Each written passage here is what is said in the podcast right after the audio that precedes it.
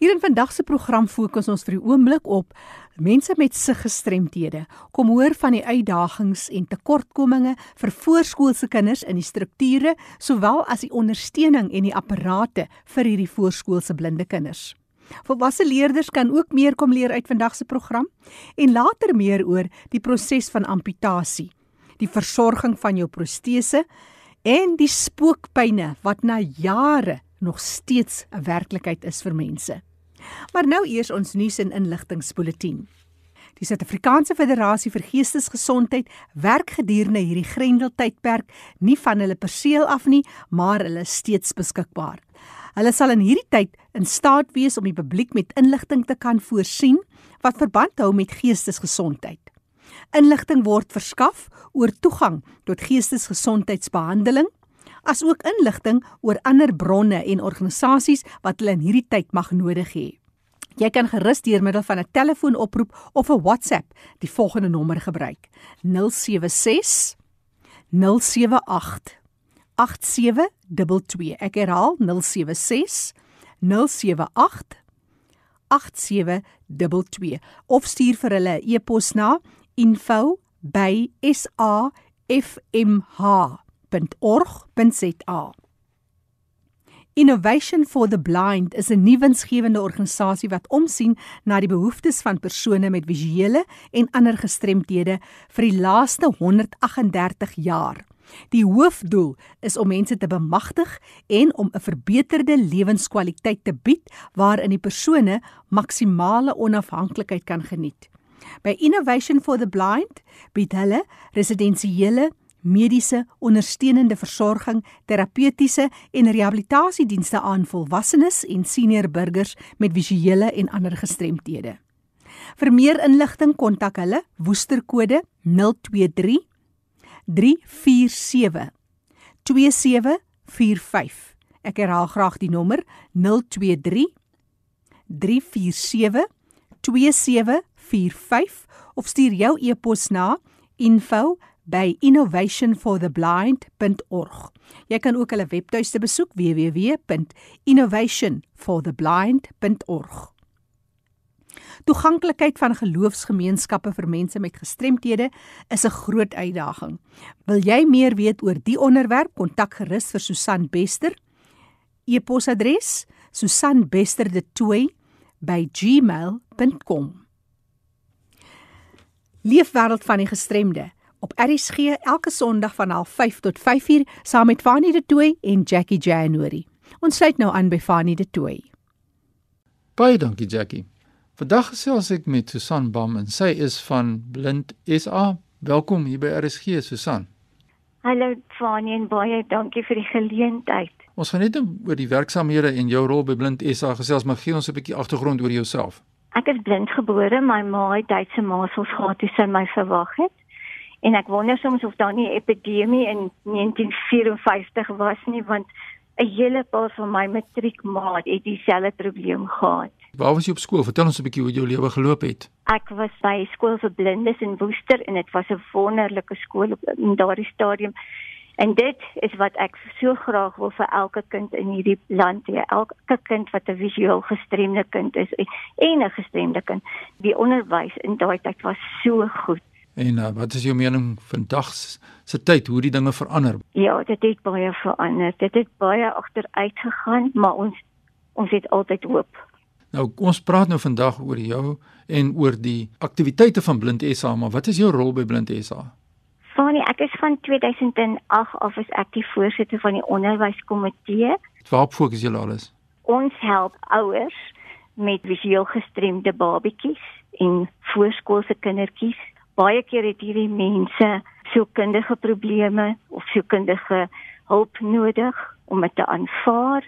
Partykeer vir jy lus en jy wil saam met hulle huil, nie net om nie omdat die kind gaan blind wees nie van nie, maar omdat daai daai seer in daai ma en daai pa en daai onsekerheid en ons help hulle ook om by by mense uit te kom wat vir hulle 'n huisprogram kan uitwerk hoe om hierdie kindjie groot te maak. Ons help kinders wat op skool is, wat die ouers moet hulle moet moet reël dat hulle na 'n gewone skool of 'n spesiale skool toe gaan. Die keuse is daar, so ons moet hulle help en ek ek verkies altyd in my komitee verkies altyd dat hulle dan sal kies en besluit saam met ons wat is die beste vir hierdie kind want van kind tot kind verskil dit. En dan help ons ook volwasse leerders wat nooit die geleentheid gehad het om graad 12 te skryf nie. Ons help self vir hulle en ons veg ook vir die regte van kinders met visueel gestremdheid. Ja, se mondvol en natuurlik Blind SA is 'n rolspeler hier en ek gesels met Susan Bam van Blind SA. Is daar ander rolspelers wat saam met julle in hierdie proses werk in onderwys? Ons het byvoorbeeld Afriforum, 'n deel van hulle help ons baie op die oomblik, veral met onderwysprobleme. Nou kyk ons na die gestruktureerde programme vir voorskoolse kinders wat nou visueel gestremd is. Is julle tevrede met daardie programme? Fanie, weet jy, daar is glad nie 'n gestruktureerde program vir voorskoolse leerders nie. Is dit? En dit maak 'n mens ja, dit maak jou baie bekommerd. Weet jy, as ek nou net vir jou kan sê in Gauteng het ons drie spesiale skole. En die een is Sibonile en Kliprivier waar hulle glad nie 'n R graad R klasie het nie omdat hulle sê ja, hulle kinders kom te laat in die skool hier 8 jaar, 10 jaar en dan voel hulle is die kind te oud om in 'n graad R klas te sit en ek stem saam daarmee. Dan is daar 'n skool in Shushanguve, maar dis 'n hoërskool en dan is dit Prinshof in Pretoria. Hulle het 'n graad R klasie. Maar nou spreek ons 'n probleem van hierdie kindertjies kan net in die koshuis bly van 7 jaar oud af. So dan s hulle verby graad R. En verder het ons glad nie graad R. Ons het glad nie graad R skole nie. Nou verstaan die onderwysdepartement hierdie saak ons het nou in ons memorandum wat ons aan hulle oorhandig het, het ons vir hulle gevra asseblief spreek dit aan. Ons het 'n skool in Parktown, dis 'n kloosterskool, maar 'n baie goeie skool. Hulle begin nou om kindertjies in te neem. Dis 'n gewone skool, maar hulle neem hulle het nou al 5 blinde kindertjies en hulle is verskriklik opgewonde en entoesiasties daaroor. En ons kry ook al hoe meer skole, gewone skole wat visueel gestremde kinders inneem. En dit maak my opgewonde. Ek hoop dit gaan werk. Ja, daar is soveel uitdagings, ek meen as honderde kinders wat geraak word deur hierdie saak en families natuurlik.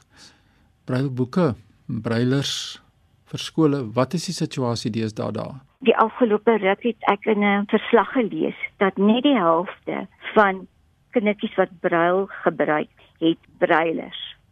Nou dit funny, dit beteken as jy nie 'n brailer het nie en jy is afhanklik van brail, dan is dit so goed asof ek 'n pen van 'n siende kind. Daai kind het nie 'n pen om mee te skryf nie.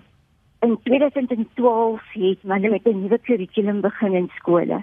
Ons het selfs nou nog nie van al daai teksboeke in brail nie.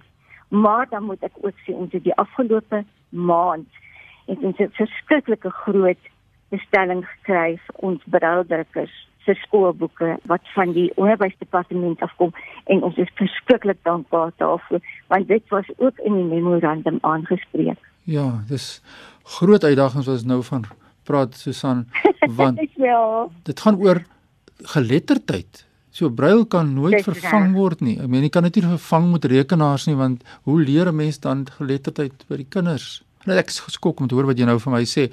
Natuurlik as kinders dan nou nie opgeneem in die stelsel nie. Hulle praat van ek dink mense het nou daag gesê van 600 000 kinders met gestremthede wat nie ja, in die formele stelsels opgeneem is. Ja. Dit is skokkend en hierdie kinders is natuurlik blootgestel en veiligheidsaspekte is 'n groot uitdaging. Is daar iets spesifiek wat jy vir ons wil sê oor die veiligheid van kinders met 'n siggestremdheid? Oh nee, jy weet nou 'n paar weke gelede, jy weet van die kinders wat se drink het in gewone skole en almal het op en af gespring en ek sien nie dis verkeerd nie dit is verskriklik wat gebeur het maar jy weet 'n paar jaar gelede het ons het ons kinders verloor drie kindertjies in 'n skool waar 'n brand uitgebreek het hulle is dood tot 'n kind in die skool verdrink die onderwysdepartement het niks daaroor gesien nie jy weet dis dis so asof dit nie saak maak nie die opleiding van koshuis personeel is baie belangrik nie. En miskien ook die opleiding van onderwysers in hierdie skole. Want dat die veiligheid wat hulle moet toepas is heeltemal anders as vir 'n gewone kind. Susan, ek dink ons moet 'n opvolggesprek hê oor hierdie belangrike saak want daar's soveel brandpunte wat jy nou vir ons uitgewys het. Ek sal graag wil hoor wat is die antwoorde op een vir een van hierdie brandpunte. So in 'n volgende program om moet ons kyk dan. Ons het die ys gebreek. Ek sal graag hoor wat sê die gemeenskap oor hierdie dinge wat jy nou vir ons idee gegee het.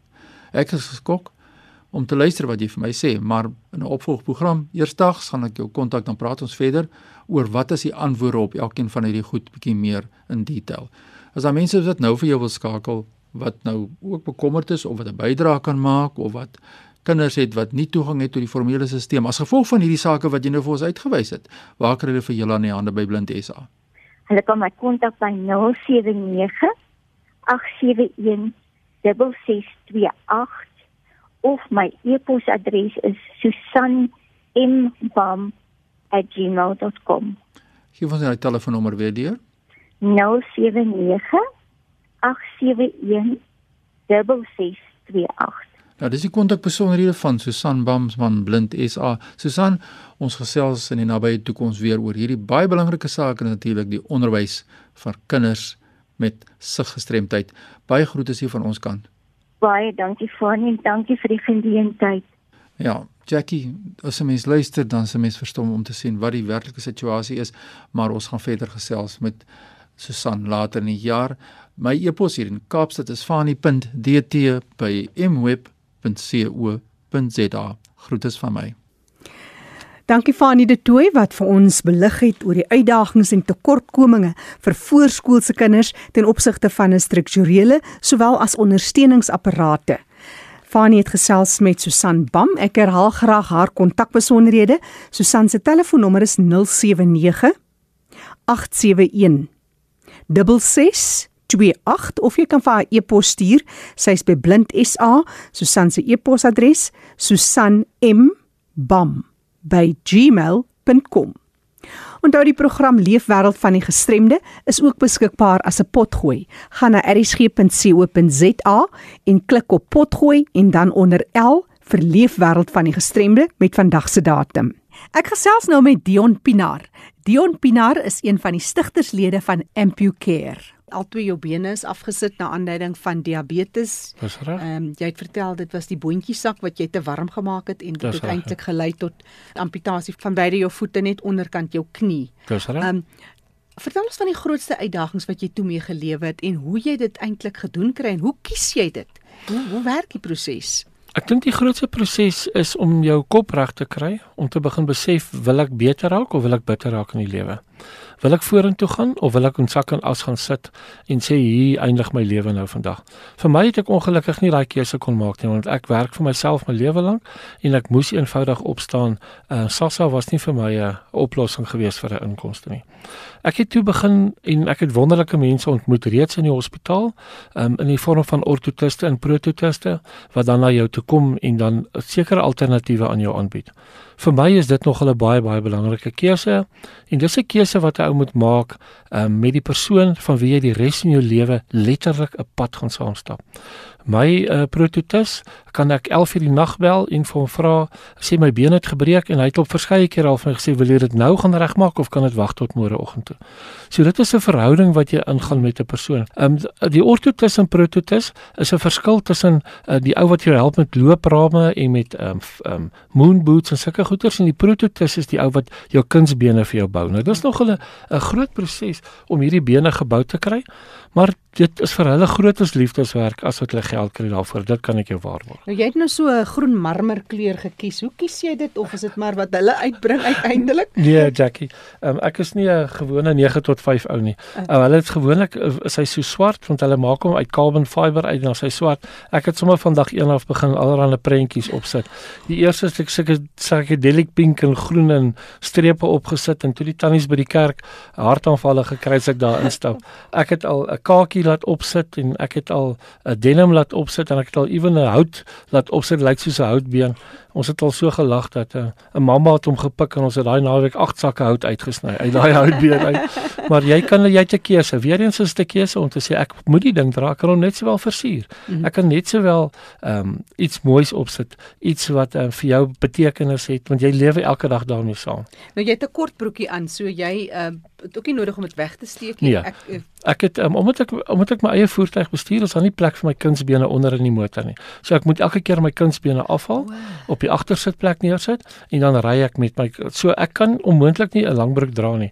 Uh, die oomblik as ek byvoorbeeld by die kerk kom en ek moet 'n langbroek aan hê, dan moet ek eers my broek uittrek, my bene aantrek en dan my langbroek bo oor die bene probeer wat die tannie sê. Nee, dan en, die dominee is gewoonlik dik van die lag as ek my broek in die in die parkade uittrek en twee keer aan en uittrek nie. So ek het nie eens meer 'n langbroek ja. op my naam nie.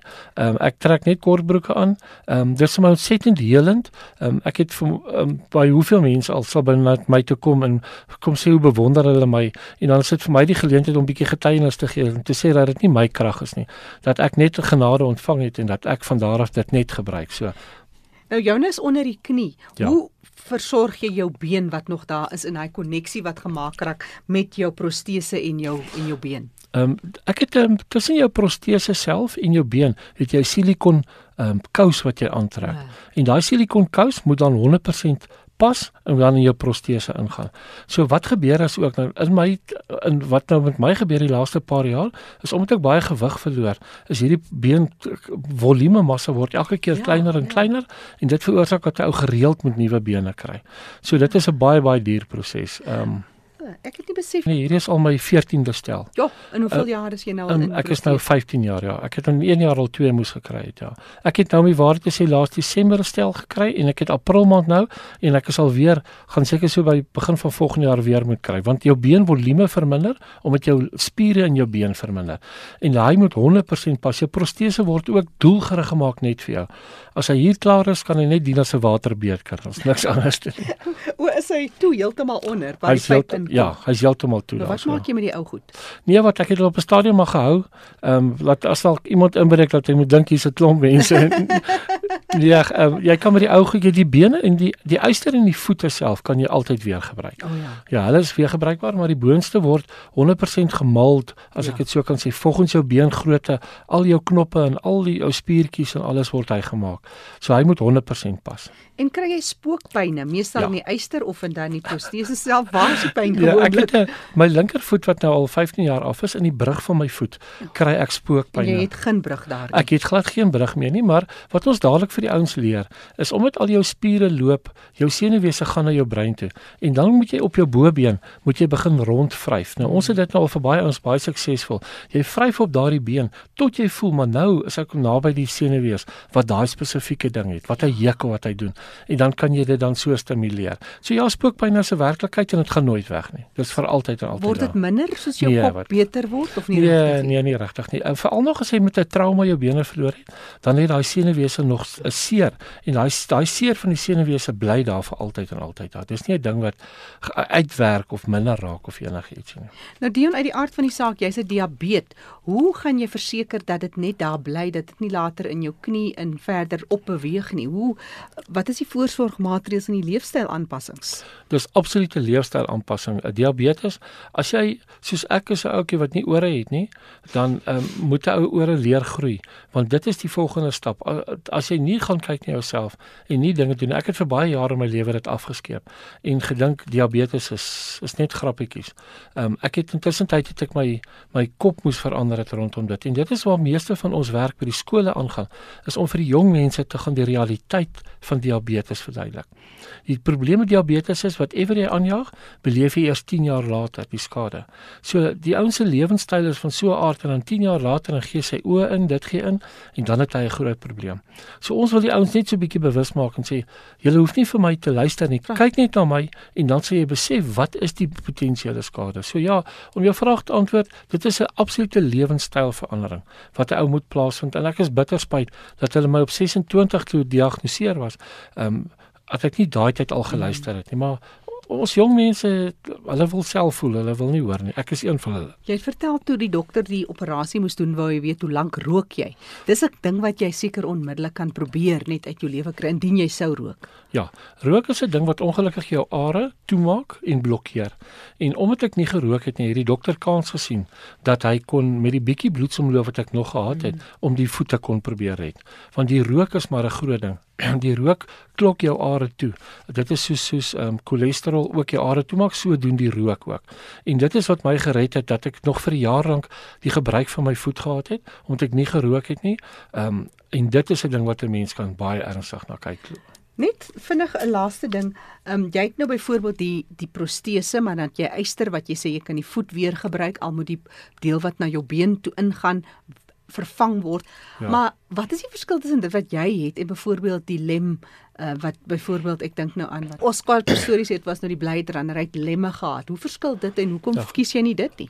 As jy ou kyk na jou voet self en jy kan die die uh, kosmetiese deel afhaal, hy het so 'n plastiese stuk rondom. As jy dit afhaal, het ons almal blyds. Ons het almal sulke lemme, maar daai lem kan jy nie soop stil staan nie. So jy het 'n lem en dan aan die onderkant van die lem het jy 'n stuk yster wat jou stabiliseer. So die lemgedeelte gee vir jou daai bietjie 'n uh, spring wat jy kan as jy dan loop, dat jy daai bietjie spring in jou jou voete.